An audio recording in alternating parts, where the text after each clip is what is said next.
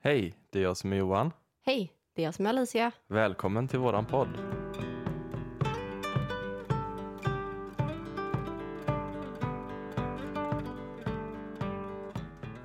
Du Alicia, Ja. jag tänkte på det här med eh, våra mediala upplevelser. Ja, vi har ju redan gjort ett avsnitt om det, men det finns ju så mycket att ta av. Så vi har bestämt oss för att göra ett eh, avsnitt två. Just det. Ja, det är ju superspännande att prata om. Eh, och det är ju ett av era, eh, ni som lyssnar, era favoritämnen eh, när vi pratar om. Och jag tänkte att vi hann, vi trodde nog att vi tog upp det mesta, men sen har det kommit fram en hel del nya saker och saker som vi kom på i efterhand. Ja, att- gamla upplevelser Ja, som dök upp liksom. Precis. Mm. Så det ska bli kul att dela med sig av det. Ja, men först av allt så vill vi ju kanske prata lite om spökjakt. Precis. Ja. Det var ju förra helgen vi var iväg hela ja, fredag till söndag. Mm. Det, ja, vi åkte ju då till Stockholm och eh, klev på Baltic Queen Ja, som skulle ta oss till Tallinn och tillbaka. och tillbaka. Ja, nej men det var, vi hade ju mässan där, Mm. eh, så ställde vi ut tillsammans med Sofia. Mm. Eh, och jag satt och la lite tarot. Eh, det var jättekul, det var faktiskt väldigt många som kom. Eh, så det var jätteroligt. Jag tycker det var så god stämning på hela båten. Ja, det var jättegod stämning. Eh, nej men jag tycker det var superkul. Eh, jag var ju dock intrycksbakis två dagar efteråt. Ja, Eh, för att det var så mycket som hände och så mycket intryck och så mycket människor. Och, men det var så kul. ja, verkligen. Det var ju intensiva dagar faktiskt. Ja, det var det verkligen. Ja, Och det var så kallt i eh, Tallinn. mm. Minus sex grader tror jag. Det var, det var så kallt. Jag frös så mycket. Eh, men det gick bra. Det var väldigt kul att få se Tallinn tycker jag. För jag, jag har nog bara sett det på någon bild någon gång. Eh, men det var en jättemysig stad. Vi gick ju in till Gamla stan där de hade en eh, julmarknad. Mm. Och eh, på vägen så passade jag på att gå till en sån här barbershop. Och bli, Ja. lite, Blev lite snygg. jag blir lite ompysslad. ja. Nej men sen, eh, alltså det var jättehärliga personer på eh, båten och på mässan. Eh, så mycket event. Jag hann inte gå på någonting. Men eh, Du anser lite av Andreas eh, storseans. ja, men där var jag tvungen att springa ut. Det är också en medial upplevelse för sig. Eh, men det tryckte på alltså. Det var, Ja. eh, alltså jag kände så- som att jag blev ihoppressad liksom. Mm. Det var för mycket energi i det rummet så jag var tvungen att gå ut. Jag var ju med på större delen av seansen. Mm. Men eh, jag upplevde kanske inget medialt på det sättet för jag hade inte öppnat upp. Nej, jag var ju öppen för att jag la till Ja, ja, Men eh, man kunde ju definitivt alltså, ta på stämningen där inne. mm. Det var ju, vad ska jag säga, det var ingen obehaglig stämning utan det var ju mer en, en fin stämning. Mm. Och var väldigt kul att se alla som fick kontakt med Mm. sina anhöriga. Det var, Ja, det är alltid lika fint. ja, och det var ju så spot on det Mm. som Andreas la fram. Mm. Han är duktig han. Det är han, jätteduktig. Undrar varför han inte syns lika mycket. Alltså, han syns inte så mycket som man hade kunnat tro. Och han har ju inte varit med i tv va? Nej, precis. Nej, han är jätteduktig och det är så kul att se honom jobba. Den lilla stunden jag fick göra det. Eh, ja, nej men jag, det, var, det var verkligen, det bara tröck på sidorna. Det var så jobbigt så att jag var tvungen att gå ut. Ja, Eh, men sen satt jag och jobbade istället så att eh, det var lika kul för det. vad var det första du gjorde när du klev på båten då? Ja, det första jag gjorde var att slänga in alla mina grejer i hytten och eh, springa upp till eh, däcket över och tatuera mig. eh, för jag var så rädd att jag inte skulle hinna med det. Så att vi var väl, eh, jag och Sofia var väl några av de första. Eh, men det var så, så roligt. Det var tur att ni var snabba. Ja, Jag kan tänka mig att det var fullbokat resten av ja det resan. kom folk hela tiden medan vi satt där Ja. och ville tatuera sig. Så att det var lång kö. Mhm. Men eh, vi var först, vi var snabba. Ja, Det var asbra. kul att du fick din efterlängtade tatuering nu. Ja, nu har jag ju bestämt mig för att tatuera mig lite oftare. Ja. Jag vill ju göra lite små tatueringar hela tiden. Mm. Eh, så det ska bli jätte, jättekul att fortsätta med. Mm. Ja, men eh, i det stora hela så var det en fantastisk upplevelse att få vara med Ja. på spökjakt. Ja, och jättekul att träffa alla eh, bekantskaper. Ja, både alltså vad ska man säga, gamla bekantskaper och nya bekantskaper. Ja, nej, men det, det är så kul att träffa dem man eh, redan känner men inte träffar så ofta. Ja, För att man bor på olika ställen i Sverige. ja, Eh, det är så himla kul att träffa alla igen. Eh, och göra sig nya bekantskaper. absolut. Jätte- Men som en liten familj var det ju. Ja men det blir så mysigt. Ja. Det är så mysig stämning. Mm. Love it.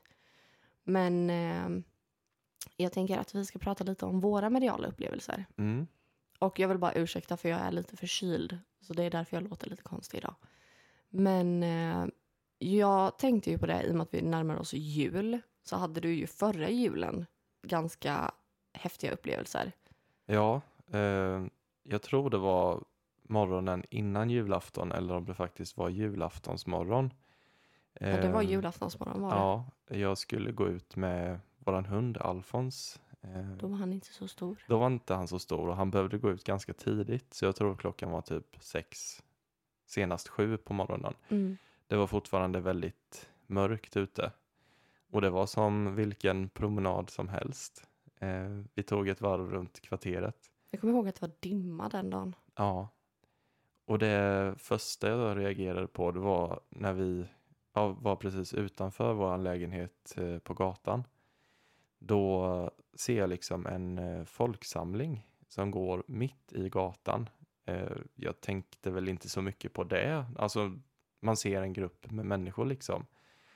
Men ju mer jag började liksom tänka på det desto mer kändes det bara så konstigt. Ehm, det var för det första en grupp av äldre människor. Eh, Mm. Och då tänker man ju inte att de är ute och går eh, på julaftonsmorgon klockan sex. Nej. Eh, sen Hur var, många var de skulle du säga? jag skulle säga att de var fem, sex stycken och de gick liksom på bredden i, så att de tog upp liksom hela gatan. De gick inte på trottoaren Ja. och deras sätt att gå. Det kan man eh, tycka är lite typiskt gamlingar annars. Ja, Gå mitt i vägen, det är jag som äger världen. Ja, nej, men deras sätt att gå eh, gjorde att jag upplevde att de var liksom väldigt gamla. Mm. Eh, det var ju som sagt väldigt mörkt. De var bara svagt upplysta av eh, gatulamporna och de var ganska långt fram. Men eh, det jag kunde urskilja var liksom deras klädsel eh, såg ut att vara liksom från förr, om man säger. Och det behöver ju inte vara någonting konstigt med det. Men det Nej. var bara liksom hela situationen att ja, man har ju hört liksom berättelser från eh, julaftonsmorgon när de, Mm. när de döda eh, besöker Om jag kyrkan. tänker den här äh, typiska ehm, de dödas julotta Ja. och sådana saker. Ja, Ehm, men det ska också tilläggas att det är gammal eh, bondby mm, där vi bor. Det ligger, ehm, det har legat gamla bondgårdar här mm, eh, från jättelångt tillbaka. ja. Men jag fick ju den, lite den känslan när min hjärna hade börjat processa vad jag såg. Att Ja. eh, intuitivt så kändes det som att de ja, men typ hade varit i kyrkan och skulle hem igen. och skulle hem. Och eh, min hund, eller våran hund Alfons, jag märkte ju på han också att det var någonting som inte riktigt var som det skulle. Och han blev lite rädd va? Ja, han, eh, han brukade ju inte liksom reagera på människor så. Men han, han blev väldigt, eh, vad ska man säga, avvaktande och men lite så här skraj typ. Ja. Men jag tänkte ju inte så mycket mer på det. Vi knatade ju in i lägenheten och eh, där hände det ju en annan sak. Vi kom in i vårt eh, trapphus då till lägenheten och det är Mm. ju becksvart innan man hinner trycka på lampknappen som är precis in till höger. Mm. Och precis när jag öppnar dörren så ser jag en, en skugga i trappen. Den är några trappsteg upp och vi har ju en sån här svängd trappa. ja, som är, går runt en cylindrisk Ja. stolpe egentligen. Så efter halva trappan så ser man inte upp utan det är som en, ja, en stolpe liksom. Ja, precis. Eh, och Alfons han blir ju helt tokig. Han skäller ju till och ska liksom springa efter. Ja, Så jag, precis när jag liksom ska tända så har ju den här skuggan eh, passerat så vi inte ser den. ja. Och vi har ju hundar i trapphuset. ja vi Och- har ju, då hade vi två till hundar. Ja, Eh, och där återigen börjar ju hjärnan eh, tänka logiskt att Mm. jaha, men nu är det nog eh, grannen som ska ut med sina hundar. De har liksom släppt ut dem lösa och sen kommer väl grannen då för att komma efter. Ja, de, hon brukar ju gå med sina hundar Ja. lösa. Eh, för de är så duktiga. Ja, så jag tände lampan men det är ändå någonting som inte riktigt stämmer. Eh, jag får den här känslan, du vet, att nej, är det en katt då tänker jag också. För Som har den, stuckit in. ja, för det, Ja. var, det var ingen människogestalt utan det var mer som, tänker dig, en liten eh, djurgestalt på fyra ben. Som Alfons typ i den åldern. Ja, precis. Vad kan det vara? Han var väl eh, fem kilo kanske? Ja, Fyra? Jag skulle säga en hund mellan 5 och 15 kilo, ungefär den Fem storleken. och femton? Oj, stort Ja. spann. Ja. Men ja. Jo, ehm, om jag upplevde att jag kunde höra liksom hur någonting flåsade och jag hörde liksom som tass eh, Mm. steg upp för trapporna. Ehm, och Alfons han ville ju liksom springa upp för trappen. Så jag började Mm. ju gå upp för första trappen. Du plockade upp honom också. Ifall det var en katt Ja. så var du ju lite rädd att... Eh, Först så stod jag och lyssnade lite och då uppfattade jag det som att den hade stannat på eh, våning två. ja. Vi bor ju på, högst upp på våning tre, vi är helt ensamma där uppe. Eh, jag står och lyssnar och då hör jag ingenting. Sen börjar jag gå upp med Alfons och då hör jag hur den här saken Ja. fortsätter upp till våran våning. Och då börjar jag ännu mer tänka att det här kan ju inte vara grannens hund för jag hör ju ingen dörr som öppnats eller stängt. Jag hör inga röster, det är som hela huset sover. ja, och de hundarna är väldigt duktiga. De brukar inte springa upp till oss. Nej, det har aldrig hänt att de liksom är lösa utan att ägaren kommer. Nej, och det kan ju det kan vara eh, den stora hunden. Ja. Men hon är ju väldigt stor. Ja, Eh, så henne hade man ju känt igen. ja. Så när jag och Alfons kommer upp på våning två, då upplever jag att den här ja, men, gestalten har liksom fortsatt upp till våran våning. För då har jag hört ännu mer fotsteg och ett sånt här ja, men, flåsande ljud. Mm.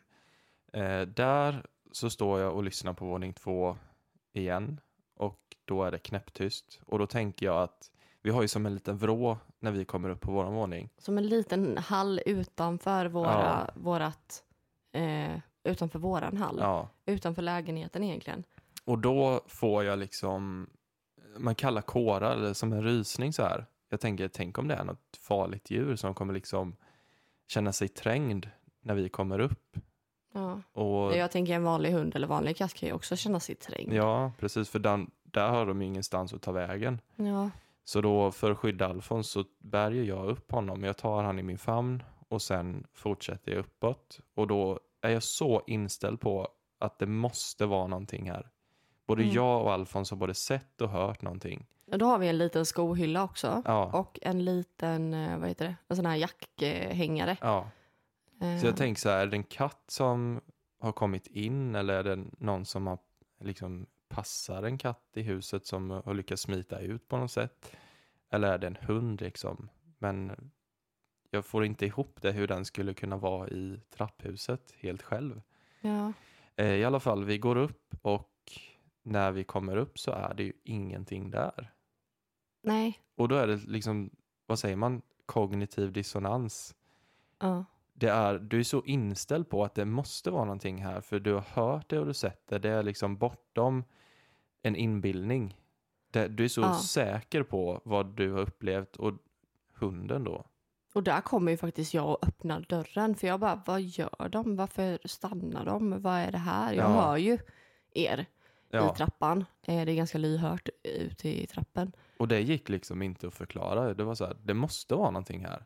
Ja, jag, Jag- bara, jag vet- vad, vad höll ni på med? Jag gick och kollade liksom så att ingenting hade gömt sig bakom någon påse eller någonting. Men ju mer jag letar så förstår jag att det är ju ingenting. Nej, och du var ju tvungen att gå ut i trapphuset och springa upp och ner Ja. igen och kolla.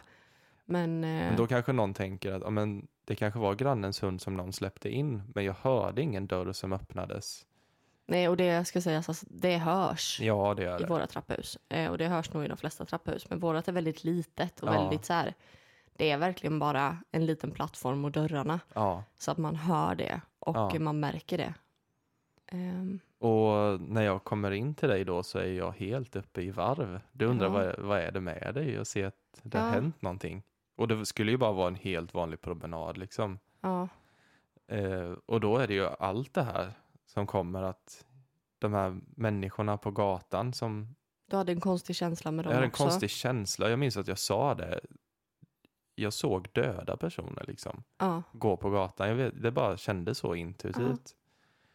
Och sen det här med i trappen liksom. mm. Det var två saker som hände så tätt inpå. ja, jag kommer ihåg du sa om de här människorna som gick att eh, nej, de var på väg hem från kyrkan, sa du. Ja, men jag, Det var, du bara visste det. Ja, och bara, de var precis. helt mörkgrå. ja, Det, det var inga färger, de var helt mörkgrå. ja. Och jag, jag är ju inte den, det vet ju du, som Mm. liksom hittar på saker. Du är ju väldigt eh, logisk Ja. och du är väldigt så här. Det, det där har jag aldrig hört komma från dig innan. Nej. Något sånt. Så det var ju en väldigt märklig upplevelse och då började jag ju liksom tänka i de här banorna att julafton, att det är nog väldigt mycket energier Och det kan kommer. jag säga som eh, den lilla häxa jag är. Att eh, det är faktiskt så att runt julen så är slöjan mellan andevärlden och eh, den fysiska världen väldigt svag. Mm, Eh, och jag brukar alltid säga det till eh, vänner och nära och kära att var försiktiga om ni är ute och går natten eh, till julafton eller julaftonsnatten mm, eh, eller tidigt på morgonen så. För att eh, det är ofta man har eh, andliga upplevelser mm, runt jul. Eh, och eh, jag vet inte om det är för att det är en väldigt så här, kär högtid. Man eh, sörjer de eh, anhöriga som inte längre finns med oss lite extra för att det är en sån familjehögtid. Eh, och man, de har på något sätt lättare att komma igenom då. mm. Jag tänker energiminnen och så kanske uppenbara sig starkare just på den Mm. dagen. Absolut, För det är en så, en dag full av energi tänker jag. verkligen. Men eh, det var väldigt spännande i alla fall och Mm. vi får se vad som händer nu detta året. Du kanske är med om Absolut. någonting? Ja, jag hoppas nästan inte det. Nej. Jag tycker det är lite obehagligt när det är eh, okontrollerat faktiskt. Mm. Men jag har ju haft ganska mycket andliga upplevelser på sistone. Eh, mycket nu har jag jobbat med det här med tidigare liv. Eh, vilket jag tycker är så, så kul. Eh, det är verkligen den roligaste tjänsten jag har just nu. Alltså det, jag hade kunnat sitta och göra sånt varje dag. Jag Mm. tycker det är superkul.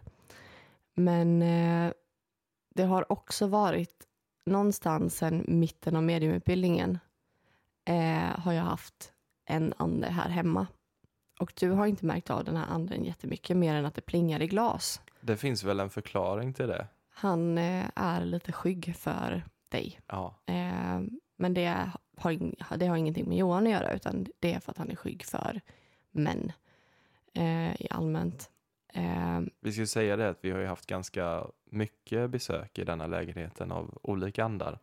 Men och jag just- tror det är oundvikligt om man är medium Ja. att det blir mycket andra aktivitet. Men just den här specifika anden. Jag minns att det var någon ganska tidigt i någon live som sa, har ni inte känt av den här anden? Vem är det som står bakom er i hallen var det någon som skrev. Och det har jag förstått är den här anden sen. Ja. Och det var väldigt tidigt. Eh, jag tror till och med det var typ maj, juni någonstans. Eh, så att han har hängt med. Eh, men han har liksom varit väldigt blyg, väldigt försiktig och jag har inte pushat på det för jag har varit så här, okej men om han inte vill göra sig till känna så är jag bekväm med att han eh, inte kommer fram. Mm. Men eh, han har kommit fram nu. Eh, det här är typ den starkaste andekontakten jag någonsin har haft. Han är så fin den här killen. Eh, han heter Kasper. Eh, och han älskar hundarna. Eh, han har någon form av eh, funktionsvariation. Eh, jag ser ju honom som att han är typ mellan 12 och 14. Det skulle kunna vara 10 och 14 också. Ehm, men han... Eh, jag, alltså jag blir så berörd när jag pratar om honom. Men han är som en väldigt ung person, ett barn i, eh, i sitt sätt att vara. Mm. Eh, och jag tror att han tänker som ett barn. Eh, men han är, han är så härlig. Nu har han blivit bekväm med mig. Och jag har faktiskt hjälpt honom över till andra sidan. För han var inte på andra sidan när han var här först. Eh, och efter jag hjälpte honom över så fick jag se väldigt mycket tydligare vad han har varit med om. Eh, och eh, det tänker inte jag gå in på jättemycket vad han har varit med om. För jag respekterar hans liv. Mm. Eh, men han, eh, jag ser honom väldigt tydligt framför mig. Och han tycker om att leka väldigt mycket. Eh, han brukar köra nästan lite så här. Han knackar, det är som att han kör typ eh, kurragömma. Och så knackar han och så ska jag gå och kolla vad det är, vad är det som knackar liksom. Ja. Eh, och han, eh, han har väl förstått att han inte, alla ser inte honom. Men jag ser honom, så han blev nästan lite så här, när han skulle leka den här kurragömma, då blev han så här, men nej, hon hittar mig. Alltså så här, det är ju, Mm. de, brukar aldrig, de har aldrig hittat mig innan. Mm. Eh, så han har stannat kvar. Och sen så, han älskar ju hundarna. Ja. Så han kommer ju tillbaka, även nu när han har gått över till andra sidan, då fick jag ta hjälp av hans mormor. Eh, jag vet inte om hans föräldrar fortfarande är i livet eller om de eh, finns på andra sidan också. Eh, jag, tror, jag en- tror att de finns i livet. Du fick en känsla av att han eh, levde på 80-talet va? Ja, jag fick eh, 85 Mm. eh, till mig. Och jag tror att han eh, dog 85. Just det. Eh, så att jag tror att hans föräldrar lever. Mm. Eh, och att han, eh, ja, han har nog inte fått det så jättebra under den tiden han har funnits på den här jorden. Men han, eh, alltså sagt han älskar hundarna och jag fick tillkalla hans mormor så att han skulle gå över på andra sidan. Och sen kom hans mormor och frågade, får han komma tillbaka och hälsa på hundarna? För han, eh, han vill inte lämna riktigt om han inte får komma och hälsa på. Och det är så konstigt att tänka, men jag har byggt ett band med den här personen på andra sidan. Eh, och vi har, han har varit här flera gånger, men jag har inte kunnat få någonting ur honom tidigare. Så till slut så var jag så här, nej nu måste du faktiskt gå över till andra sidan, för jag Mm. ser att du inte har fått ro. Ja. Ehm, Men det är väldigt eh, spännande tänker jag just när det är en sån kontinuerlig andekontakt. mm, Det är ganska ovanligt. det är jätteovanligt. Oftast så brukar det bara vara någon som kommer och går. Ja, Men just när det är någon som eh, nästan tyr sig till, till oss levande. ja, och jag tror just det är den här att han inte är helt eh, inom citationstecken normal som gör att han eh, han har inte riktigt den gränsen på samma sätt som att eh, som vi pratade om faktiskt igår du och jag eh, det skulle vi ha spelat in men det här med att eh, jag har mina diagnoser gör, det gör att jag blir mer obegränsad och för honom så är det på samma sätt bara att han blir obegränsad åt andra hållet om man, om man säger så. Han har inte de här spärrarna eller det sociala rätt och fel. Nej, precis. Eh, Och han är uppväxt eh, hos sin mormor i skogen, typ eh, i en, ett torp tror jag. Ehm, och så att han har liksom aldrig riktigt fått eh, gå i skola eller göra sådana saker. Och han har inte blivit färgad av samhället på det sättet, så han förstår inte riktigt konceptet Mm. eh, på det sättet som vi gör med andekontakt och hela den biten. Så han är väldigt god. Ehm, men han, han, är, han är härlig, han älskar att busa och leka. Men eh, nu har vi ändå kommit överens om att du får komma mellan, eh, mellan 12 och 2 på dagarna när jag är ensam hemma. Eh, och du får eh, vara med hundarna, men du får inte störa hundarna. Eh, så att han, eh, han respekterar det, han är jätteduktig. Och det förklarar nog varför vi har sett båda våra hundar liksom titta på någonting. De har tittat jättekonstigt. Typ som det, för det har jag ju upplevt också när jag varit hemma, att det är någon som typ knäpper med fingrarna över dem. Eller så här, Mm. Nästan som att man håller en leksak över dem Mm. och vill få deras uppmärksamhet. Mm, och hundar kan ju typ följa flugor eller sånt. Ja. Och vi bor ju som sagt på högsta våningen. Vi har inte så mycket Nej. flugor. Det, jag tror hela sommaren jag har sett kanske två flugor. Eh, och det finns inte så mycket sånt. Men båda hundarna har reagerat väldigt kraftigt när han är här. Och en sak som jag, Ehm, det klickar för mig nu, Alfons innan vi fick våran Bobo. Eh, det kunde ju vara som att någon typ nöp honom.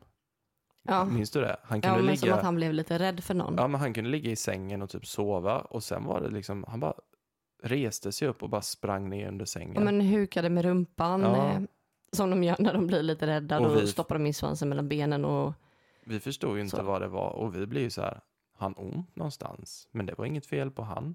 nej. Vi undersökte precis. honom och det var liksom, Ja, och jag tror att det var bara att eh, han blev rädd för att Kasper dök upp. ja, Eh, och det var faktiskt innan Kasper gick över till andra Ja. sidan. det var det. Eh, och För det har ju slutat nu. det har slutat nu när jag har hjälpt honom över så har allt det där har helt slutat. Ja, Eh, de kan titta, men då tittar de på en fast punkt, båda två samtidigt. Och det är Mm. så konstigt för att de reagerar inte mer än att de tittar och följer samma punkt i Ja. rummet. Eh, så det är ett fantastiskt medialt verktyg att ha hundar ja det är det. faktiskt. Och katter. Och katter. Men eh, jag tänker det är väldigt spännande det här med att eh, det uppstår så mycket förvirring hos Ja. en ande.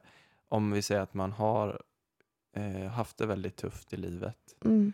och man har kanske har dött på ett väldigt traumatiskt sätt. Ja. Det är oftast då det blir andar som är fast, som inte eh, går över till andra sidan. Precis.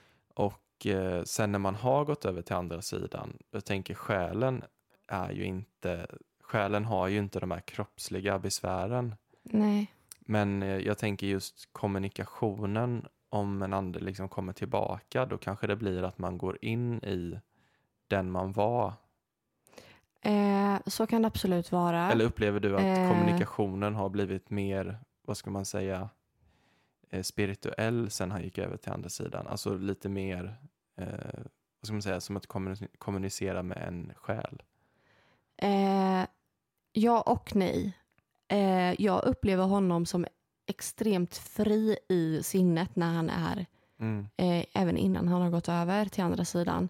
Så är han, han är inte fängslad i sin funktionsvariation eller eh, jag tror att han, på det sättet som han har växt upp har gjort eh, att han, eh, han är fri i sitt Mm. tänkande precis som vi andra bör vara. Mm. Eh, och det vi strävar efter så att han har fått det eh, genom sitt liv, genom så han har levt. Och det tycker jag att vi som är eh, inom citationstecken igen normala i brist på ett bättre ord. Ehm, ja, vi, eh, vi bör se till dem som inte är eh, helt som vi andra och se hur fria de faktiskt är. Eh, för en funktionsvariation är inte lika med värdelös. En, en funktionsvariation är inte lika med att vi eh, behöver så himla mycket hjälp och eh, att, eh, att det är någonting fel. För jag tror att det finns en hel del som är mycket mer rätt än vad det är hos oss inom citationstecken normala personer. Ja, man har ju svårare att ta till sig det här eh, programmeringen liksom som vi utsätts för. Att för att vi ska Precis. passa in. Precis. Så det är väldigt så. Man, men, man bryr sig inte om det speciellt mycket heller. nej, Eh, det är inte viktigt. man liksom. är inte mottaglig alls för den programmeringen. Han man är i alla fall inte det. Nej, Eh, och jag tror det är många med eh, funktionsvariationer eller kromosomförändringar förändringar, eh, som, eh, som faktiskt inte är eh, lika låsta som vi. Och jag Mm. tror att de har ett helt annat psyke, ett helt annat sinne. Och det är någonting som är fint. Det är inte någonting som är ett problem. Det är bara att samhället inte är uppbyggt för dem. mm, Eh, som det är med alla diagnoser. definitivt. Men Man kan ju se eh, en viss glädje. Mm. Även liksom om man tänker att det måste vara jobbigt att passa in i samhället. Ja. så har många av de här personerna ändå en livsglädje som många andra normala inom situationstecken saknar. Ja. Det är väldigt fint att se tycker jag. Ja, och de kan ju uppfattas som naiva, de kan uppfattas som eh, eh, osmarta. Om man ska vara, alltså, jag tänker kränkande människor. De säger sådana saker, Mm. att de är, de är inte lika smarta, de, är, de funkar inte i det här samhället och väldigt elaka saker kan de säga. Jag vill inte ens säga sådana saker. Eh, jag ser det som att de är så otroligt fria. Och det finns en sån kärlek i de här människorna så det är helt otroligt. Och det, jag, det är jag så tacksam för att jag fick ha eh, den här kontakten med Kasper, att jag Mm. har den här kontakten med Kasper. Eh, och jag har berättat för honom att vi kommer flytta. Eh, och jag är övertygad om att han kommer följa med. Eh, och han har fått frid Eh, det ska tilläggas också. Och han är på andra sidan. Han kommer bara hälsa på ibland. Men det blir också mindre och mindre och jag tror att han eh, till slut kommer kunna släppa taget helt och hållet. Det är ju skönt. Men jag tänker det är ju eh, som vi sa väldigt mycket förvirring då som har uppstått i Ja. och med hans bortgång. Ja, Och, och därför blev han fast liksom. Ja, och han kan inte visa mig var i Sverige han har levt. Han kan inte visa mig... Hans mormor eh, pratar skånska, men jag tror inte att hon eh, har bott i Skåne. Jag tror att hon har flyttat, för han pratar inte skånska. Eh, och det ser inte ut som Skåne, det han visar mig. Men han kan inte visa mig några landmärken, för jag tror inte han... han har han sett det så har han inte eh, uppmärksammat det överhuvudtaget och inte förstått att det är ett landmärke och där blir det lite svårt. Och Mm. mormor har jag inte fått kontakt med sen eh, jag hjälpte honom över. Mm. Eh, för hon är helt på andra sidan och jag, jag tycker att hon är, eh, hon är väldigt svår för mig att få kontakt med. Mm. Och alla får man ju inte kontakt med. Nej, Så är det. men det är att Kasper är så jäkla öppen också så att han kommer igenom hela tiden. Mm. Eh, men här kommer vi till en jättespännande sak. Eh, efter jag hade hjälpt honom över så fick jag healing faktiskt av en man här i Nässjö som är fruktansvärt duktig. Och eh, då var det andra gången jag fick healing, fick healing av honom. Eh, och det var någonting som hände efter den healingen. För att jag skulle öppna mina chakran. Jag brukar göra det ibland på kvällarna när jag ska sova bara för att jag vill ha eh, budskap genom drömmar. Eh, den här kvällen så började mina chakran glittra när jag eh, mediterade. Eh, och det har aldrig hänt innan. Och efter att mina chakran började glittra, det var som att de exploderade och blev jättestora på något sätt. Jag vet inte vad som hände. Eh, och det här har jag pratat om med andra personer. Eh, och då har jag fått reda på att det, det är eh, så många upplever när de har änglakontakt eh, och när man jobbar i högre dimensioner. Och eh, det här har hjälpt mig något extremt med mina tidigare livreadings. Jag ser ju en film. Eh, men den här natten i alla fall så drömde jag om Kasper och jag fick se hur han dog. Det tänker inte jag prata om för att det är eh, extremt privat och jag tror att det är eh, ett brott som har begåtts. Eh, och därför tänker jag inte ta upp det i podden. Eh, jag har pratat med en person som, eh, som är erfaren inom det här och eh, kan, eh, eh, som har gett mig bra tips på hur jag kan göra. Eh, och jag får se hur jag går vidare med det här. Men eh, jag får se det i alla fall i den drömmen och efter det här eh, så har Kasper varit fysisk för mig. Jag ser honom. Jag brukar kunna se för mitt inre öga personer i rummet. Nu har jag sett honom med mina öppna ögon i rummet och det är jag tror det var därför jag var tvungen att gå ut på storseansen förra helgen för att jag ser mer människor än vad som faktiskt är där. Eh, och efter den här healingen, allting har varit så solklart för mig. Det har verkligen varit eh, som att vrida upp en eh, tv.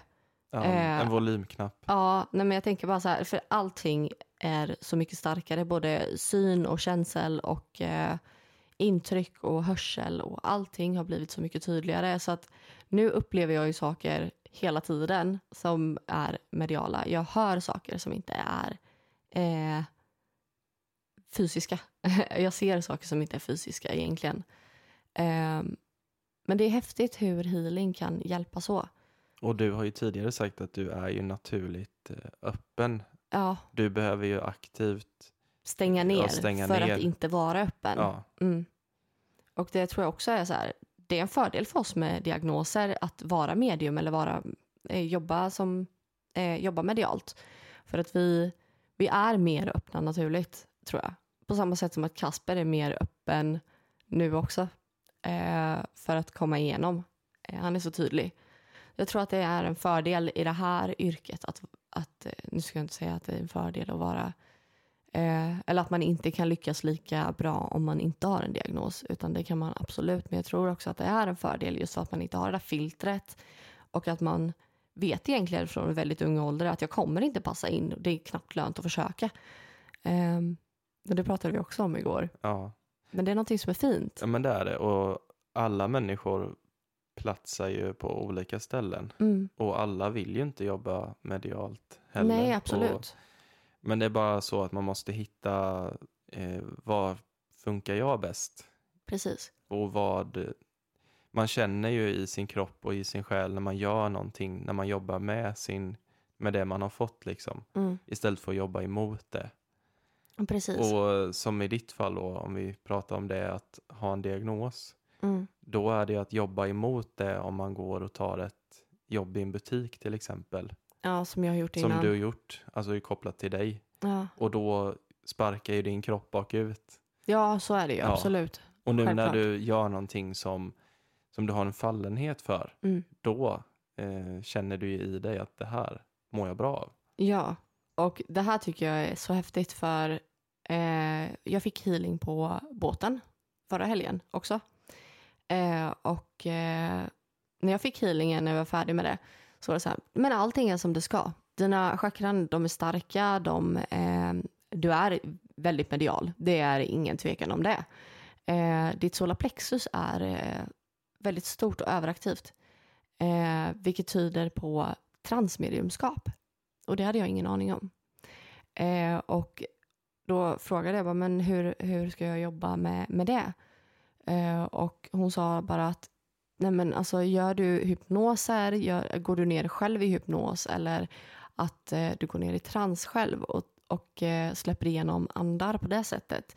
Eh, så ska du fortsätta med det och det ska du jobba med. Och det tycker jag är lite obehagligt så att jag har ju stängt av den delen. Eh, däremot så berättade jag det här om jag, vad jag sysslar med med tidigare liv och hon bara, då är det det du ska göra. Ja, och då klickade det lite Ja, mer för dig. Det klickade jättetydligt för mig. Eh, och jag har ju faktiskt fått väldigt ont på ställen i kroppen när jag har haft eh, privatsittningar. Eh, är det någon som har gått bort av en stroke eller hjärnblödning eller någonting som har med huvudet att göra, att man har fått ett slag eller att man har ramlat och slagit sig eh, eller haft väldigt ont i huvudet, man kanske har lidit av migrän hela livet och det är ett kännetecken för den personen, då går jag och har ont i huvudet hela tiden. Och jag hade ju en, eh, en klient som hade en eh, anhörig som hade gått bort i en bilolycka när eh, den här personen var väldigt ung. Eh, och jag hade bokat in den här, nu säger vi bara, jag hade bokat in den här sittningen på fredag. Eh, och från och med det att jag fick bokningen och säga att det var fredagen innan så hade jag oförklarliga hugg i mitt re, eh, alltså i vänstra sidan, mina reben. Eh, det kändes som att mina reben skulle gå av.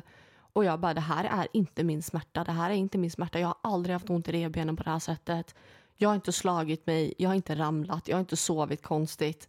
Varför får jag de här huggen? Alltså jag kan inte andas. Vad är det som händer? Eh, så till slut så kände jag bara så här, typ två dagar innan jag skulle ha sittningen, att bara, jag kan inte vänta med den här anden nu eh, till sittningen, utan jag skrev ner allting jag fick till mig innan jag öppnade upp och satt och hade kontakt med den här anden. Um, och eh, då har ju som sagt den här personen varit med om en bilolycka och krossat revbenen på vänster sida. Och det är inte konstigt då. Um, men det är ju transmediumskap, att man tar in anden i sin kropp på ett sätt. Uh, jag har hållit det avståndet i alla fall. Ehm, men jag märker ju, jag blir jättepåverkad. Jag tänker på Teresa som vi har pratat om innan. Teresa Caputo hon går väl också under Long Island Medium va? Mm. Eh, hon är ju extremt så här, den här lämnar mig inte i fred, den lämnar mig inte i fred. Eh, jag måste söka upp personen typ och ibland kan det komma andra till henne som hon inte vet vem den tillhör och då blir det ju jättejobbigt. Eh, men eh, jag har verkligen känt det i min kropp att det här är ett problem. Eh, så att jag måste kanalisera anden innan, innan ens sittningen är eh, in session så att säga. Mm. Men, Men, det kan ju eh, vara väldigt det har ju varit så från början faktiskt. Eh, och där tänker jag också att mitt solarplexus har ju varit överaktivt väldigt länge, eller väldigt stort i alla fall. Och då har du fått ett svar på det nu. Ja, då har jag fått ett svar. Och jag tror det kan vara så att vissa personer har vissa chakran som är starkare. Eh, naturligt Mm. starkare.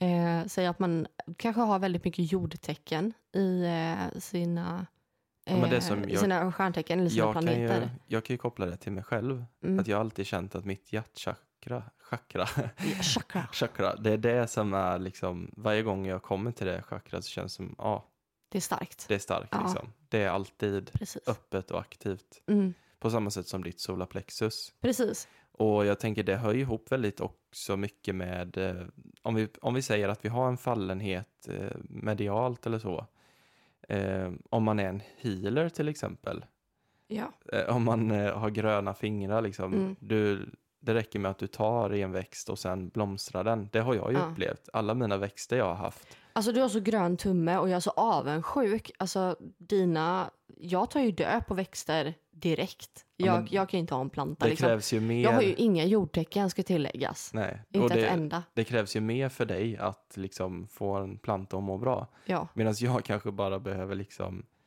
ja, vattna den lite, se, se efter den lite och sen så blomstrar den. ja. Och, Och- jag gör så här allt. Jag använder så här växtnäring och jag Ja, hä- häller i typ, eh, vad heter det, Dextro. Eh, Ja. Dextrosol, liksom så här eh, druvsocker och allt möjligt för att den ska resa på sig igen.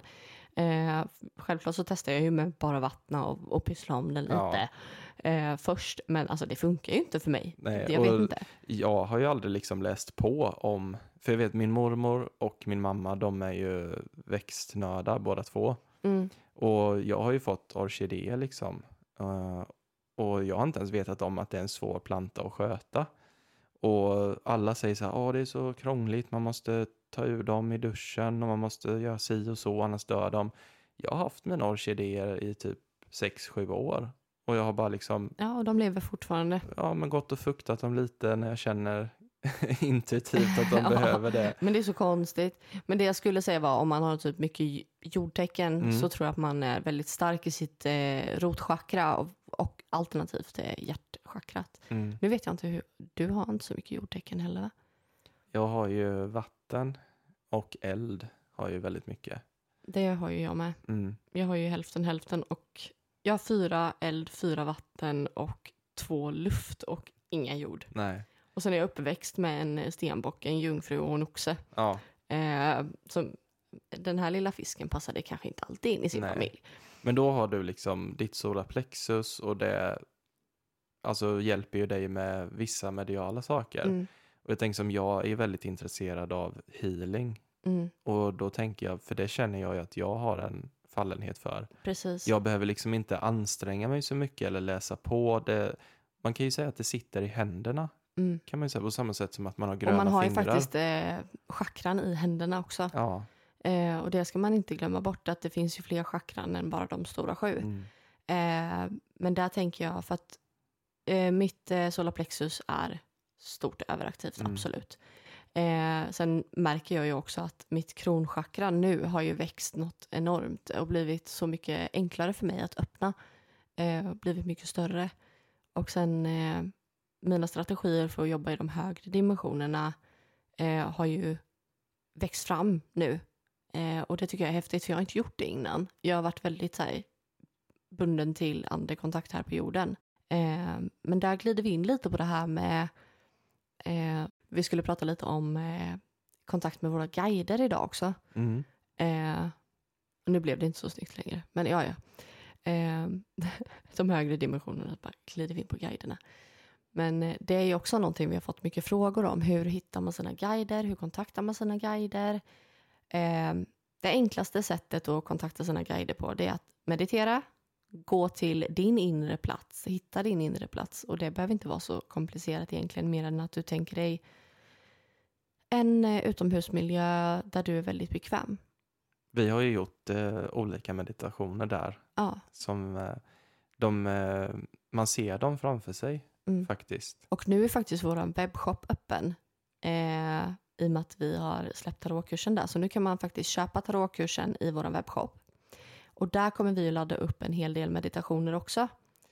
Eh, och där kan man ju eh, köpa den sen. Eh, meditation där man får möta sina guider. För den har jag skrivit och Johan kommer spela in den snart. Eh, så där kan man också hitta en sån meditation sen. Eh, och Mm. det ska sägas, för vi har ju faktiskt eh, släppt eh, djupavslappningsmeditationen på Youtube. Mm. Den är ju öppen för alla att ta del av. Ja. Och vet man inte hur man ska hitta den så kan man bara kontakta oss. Ja, Eller sök på familjens spök på Youtube. Men det kan vara lite svårt att hitta. fast det, det kommer upp högst upp. Okej, ja, Eh, kanalen kommer upp högst upp. vad bra. Ja. Eh, ja, guider. Ja, Eh, jag tänker vi kan ju prata lite om våra upplevelser där kring Mm. hur det är att möta sina guider. Och, eh, jag kan börja hur det var för mig när jag började hitta min eh, spiritualitet. Eh, och det, jag var ju så att jag ville ju verkligen uppleva. Jag läste ju på först, liksom, oj, har man en guide? Har man ett högre jag? Liksom. Jag var ju jättenyfiken på det. Och då blir det så här, vad måste jag göra för att få den kontakten? Och då blir det så här, då måste jag liksom hitta information och sen bygger man ju upp förväntningar av hur det är. Man läser av andras upplevelser och då måste jag också ha en liknande upplevelse. Sen när du väl får den här kontakten, eh, då gäller det att vara lyhörd för att oftast så är det inte på det sättet som du förväntar dig. Nej. Och för mig så var det en uppenbarelse kan man väl säga. Det var givetvis väldigt mycket meditation Mm. och eh, bli uppmärksam på, eh, vad heter det, synkronicitet i vardagen. Mm. Väldigt mycket siffror som kom till mig genom klockor, eh, registreringsskyltar, ja men sånt. Ja. Eh, det var i alla fall en händelse som jag minns väldigt starkt där jag kände att jag hade kontakt med mina guider. Eh, jag vaknade mitt i natten, helt oförklarligt, och eh, kollade på klockan. Och då hade jag lagt den eh, en bit bort för jag skulle gå upp och jobba dagen efter. Det var liksom ett knep för mig att komma upp. Och då var den eh, 3.33 på Mm. natten. Och eh, jag gick upp och så kände jag liksom, när jag kollade på klockan, då var det som att jag blev helt varm i kroppen. Mm. Och jag, hade, jag vet att jag hade bett om att få kontakt med mina guider. Och då hade jag ju föreställt mig att det skulle vara som att man hörde dem eller såg dem. Som att prata med en fysisk Ja. människa. Ja. Exakt, men det slog mig inte då utan det slog mig långt efter att då hade jag faktiskt kontakt med mina guider för jag hade ju Ja. bett om att få det. Men jag kände mig omgiven liksom av kärlek och jag blev helt varm i kroppen och sen eh, gick jag och la mig igen. Mm. Och det dröjde inte länge förrän jag hade gått och lagt mig där jag låg. Och då kände jag, eller jag hörde liksom hur någon andades i mitt vänstra öra. Mm. Och sen kände jag liksom som en hand som smekte mig lite så här på kinden två gånger. ja. Och då, då kände jag, ja nu har jag fått liksom kontakt. Ja. Jag fick liksom den svar, jag fick bekräftelsen på det jag ville. Mm. Så det jag var en väldigt det är, häftig det är jättehäftigt. Ja. Jag tror att eh, du har ju försökt verkligen få kontakt med dina guider. Och det där är ju lite ett, eh, ett problem många har. Man kämpar för att få kontakt med dem. Och man vill så gärna. Man vill så gärna. Och eh, det man behöver inse är att de är med hela tiden. Ja, Och att du behöver inte försöka. För oftast när du slutar försöka, bara be om det. mm. Då kommer det. Eh, och liksom så här, sätt dig i din inre plats och bara vänta lite. Ha lite is i magen, be dem att komma och visa sig att du är redo. För eh, så hade jag det. Jag bara, men jag är redo, jag är redo. Eh, men jag var inte det. Och då kom de inte. nej. Och sen så satt jag ner och bara...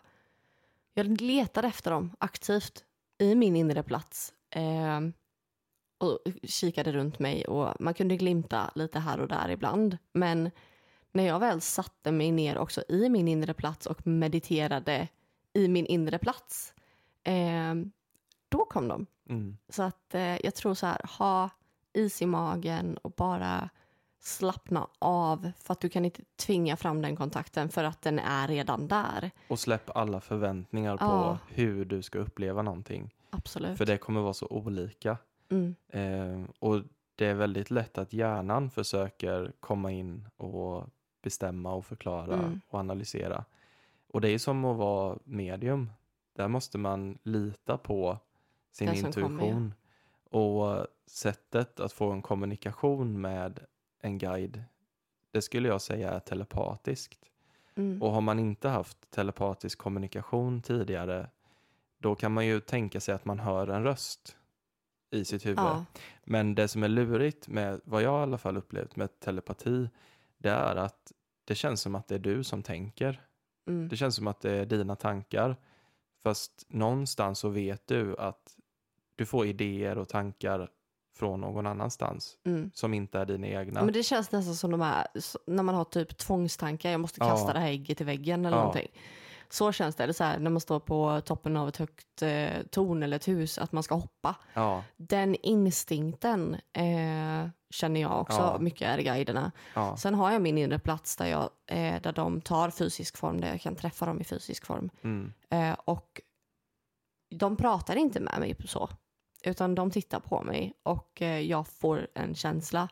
Jag får... Eh, känsla är fel ord också. Jag får...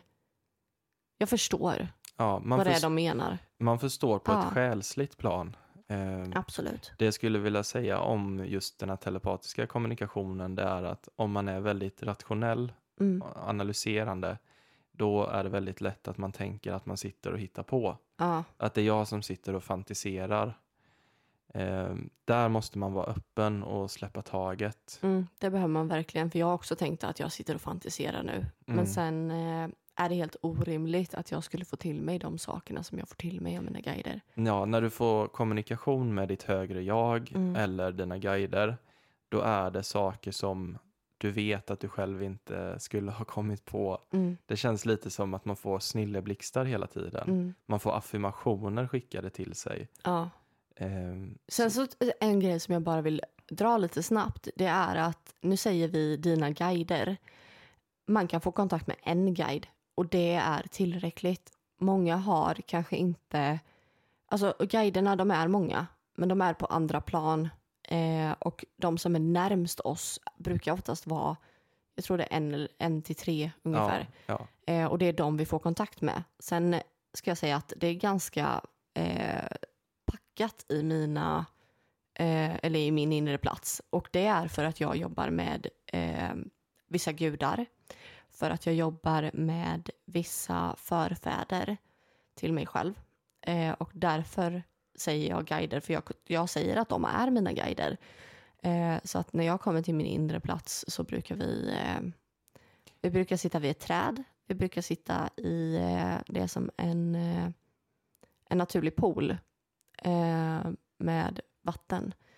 Eh, och där kan vi sitta och konversera, om man säger så. Ja. Men där, de, där jag kan ställa frågor och jag får svar. det var väldigt viktigt att du tog upp det nu insåg Ja. jag. För att i svenskan så har vi inget ord för eh, guider. Vi säger bara guider.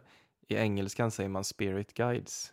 Ja, Och det är det jag pratade om, Precis. själsguider, dina guider som har signat upp att de följa har typ med skrivit dig. på ett kontrakt att de ska följa med dig. Eller de har typ, hur ska man förklara? Men lite bestämt att De är vi ska vara Ja. dina guider. precis, och de har ju varit med dig i tidigare liv också. Ja, Eh, Men där är det ju viktigt, för man kan ju ha guider som inte är kopplade till ens själ.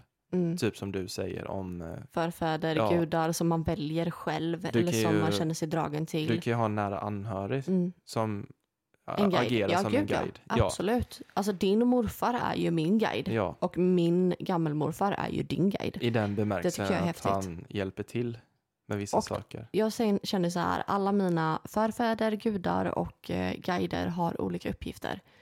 Ehm, men det är därför jag tycker det är så intressant just att prata om det här med guider. Jag ska sitta och prata om det hur länge som helst.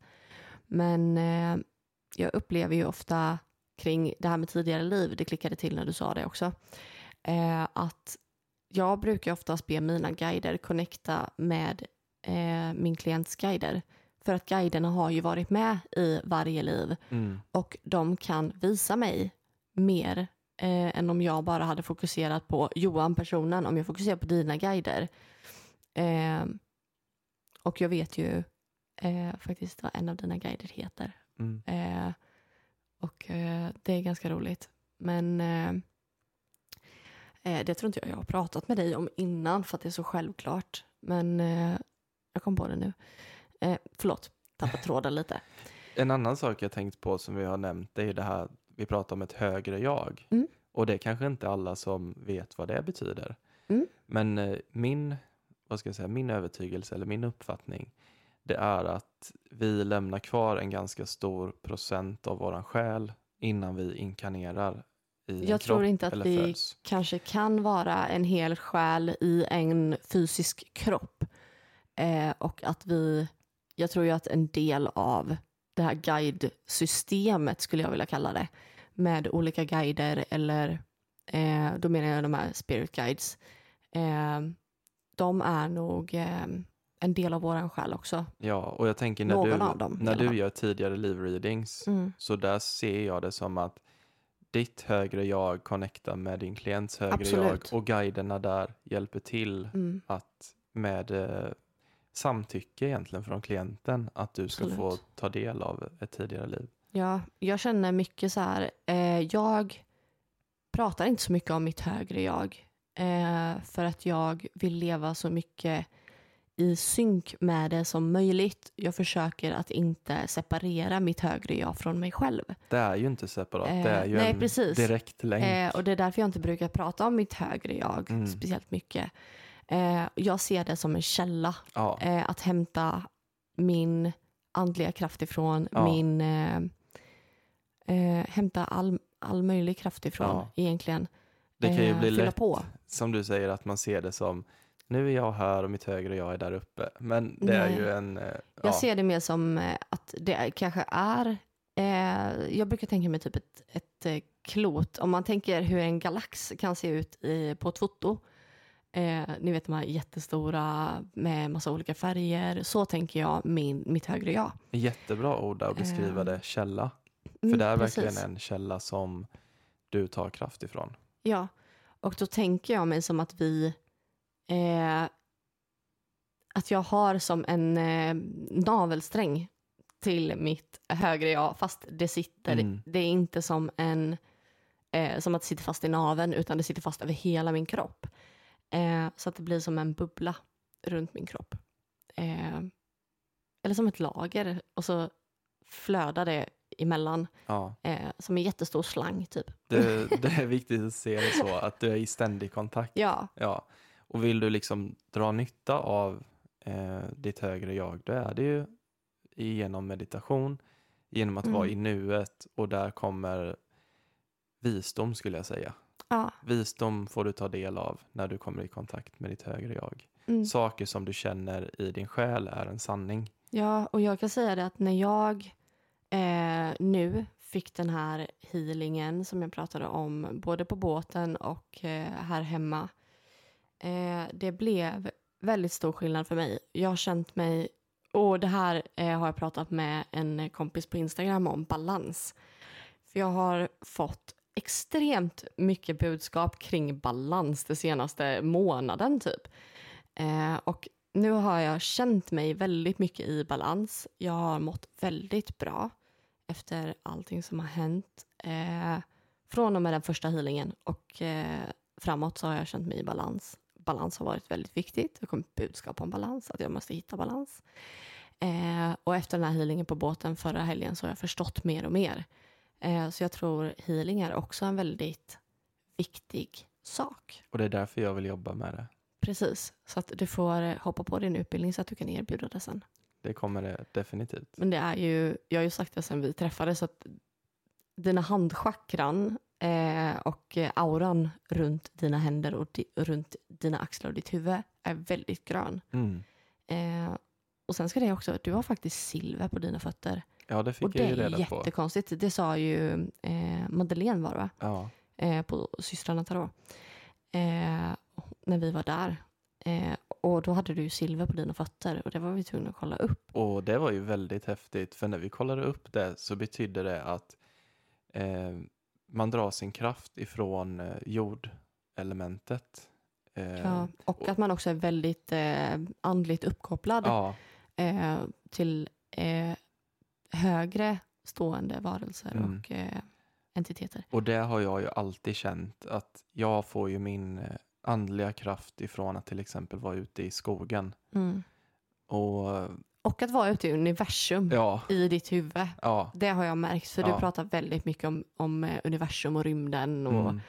Eh, världen. Liksom. Men det är ju en balans där mellan Ja. att vara jordad i naturen och vara ute och sväva i universum. Precis, då hamnar du i balans. Ja, Allting går tillbaka till balans. ja, Eh, balans i det fysiska, balans i aktivitet, balans i sinnet, balans i eh, våra element. Eh, vill du ha kontakt? Vill du göra det du vill göra oavsett om det är har något spirituellt eh, eller spirituell betydelse eller något fysiskt du vill göra. Eh, hitta en balans Mm. så löser det sig. Jag vill bara säga en sak. Eh, Det här är nog någonting som många eh, kommer tycka är liksom lite konstigt. Och det har ju blivit konstigt på grund av att man har skämtat om det i tv och så här. Mm. Eh, Men att faktiskt krama ett träd, det har man ju hört, treehuggers, haha. Ja, precis. Ja, du är Jaha. galen liksom. Men jag har faktiskt gjort det många gånger när jag Mm. varit ute i skogen och hittat en stor fin tall Ja. och liksom bara kramat den Mm. och känt, då känner jag mig uppkopplad mot Moder Jord. Och det är ju i allra högsta grad sant. Absolut. Eh, och jag vet många som har ett träd och det här är mitt träd. Mm, Eh, och här hämtar jag kraft. mm. Ja, men tänk att ni liksom kopplar upp ert eh, hjärtchakra mot trädet och ner i rötterna. Där finns det väldigt mycket kraft att dra. Mm. Och ifall ni, ifall ni är rädda för att någon ska se er eller tycker att det är lite pinsamt, men, Sätt dig med ryggen mot trädet. eller gå ut i skogen långt ut där ingen, där du får vara i fred, där Mm. du bara kan fokusera på dig och Moder Jord. Mm. Jag tänker att man kan sätta sig med ryggen mot trädet och hålla händerna på, för det brukar ju vara rötter som sticker upp över marken. Gör det som Mm, känns, känns bäst för dig. Som med allting, Ja. gör det som känns bra. Ja, testa Mm. det om du inte har gjort det. Det är ett bra tips om man vill bli jordad och eh, dra kraft. Ja. Men eh, jag tänker att vi har ju pratat en hel del nu om våra upplevelser och förklarat en hel del saker. ja. Så det börjar bli dags att runda av det här Ja. avsnittet. Vi rundar av. Ja, det Men jag tänker, vill man veta mer om det här så får man jättegärna eh, skriva till oss om vi ska göra bara ett avsnitt om eh, och prata om eh, guider och meditation och eh, hur man kommer i kontakt med det här högre jaget och eh, guiderna och eh, om vi ska släppa den här meditationen. Och, ja, man får jättegärna skriva om man är intresserad så kan vi prata om det i ett annat poddavsnitt. Och har man frågor så får man jättegärna ställa dem så kan vi också svara på dem i ett poddavsnitt. ja, Eh, Så vi håller det lite separat eh, så att man inte behöver hålla så stor koll på alla våra kanaler. och vi tipsar ju om det igen. Har ni några upplevelser själva så får ni jättegärna skicka in det till kontaktetfamiljensbok.se. Vi eh, samlar på oss nu. Ja, Det är, det är flera som har skrivit redan, det är jättekul. och det kan vara liksom korta som långa. Det behöver inte vara värsta novellen. Det kan bara vara en kort eh, beskrivning av en upplevelse man har haft. Vill man skriva en novell så får man jättegärna göra det. Eh, men man kan skriva alltså bara kort vad man har upplevt. För vi håller ju på att samla på oss nu till ett avsnitt där vi bara tar in lyssnarnas eh, egna berättelser och Ja, upplevelser. jag tror nog att vi snart har till ett avsnitt. Eh, ja, jag vill gärna göra ett långt avsnitt. så Jag att, med. eh, jag vill få med så många berättelser som möjligt. Mm. Eh, och det kanske dyker upp, ju mer vi pratar om våra upplevelser så kanske det dyker upp eh, för andra också. Ja, Eller för dig som lyssnar. Eh, men jag vill säga tack för att just du har lyssnat på det här avsnittet. Eh, glöm inte mycket. bort balansen mm. eh, och att balansera ditt liv. Det är mycket nu med julstress och allting. Glöm inte att också ta en stund för dig själv och ta ett djupt andetag. Mm. Self-care Sunday som jag brukar säga. Bra brukar ta tips. hand om sig själv på söndagar. Men ha det jättefint tills nästa vecka när vi hörs igen. Yes. Och ja, vi hörs. Vi hörs. Ha det bra. Hej då. Hej då.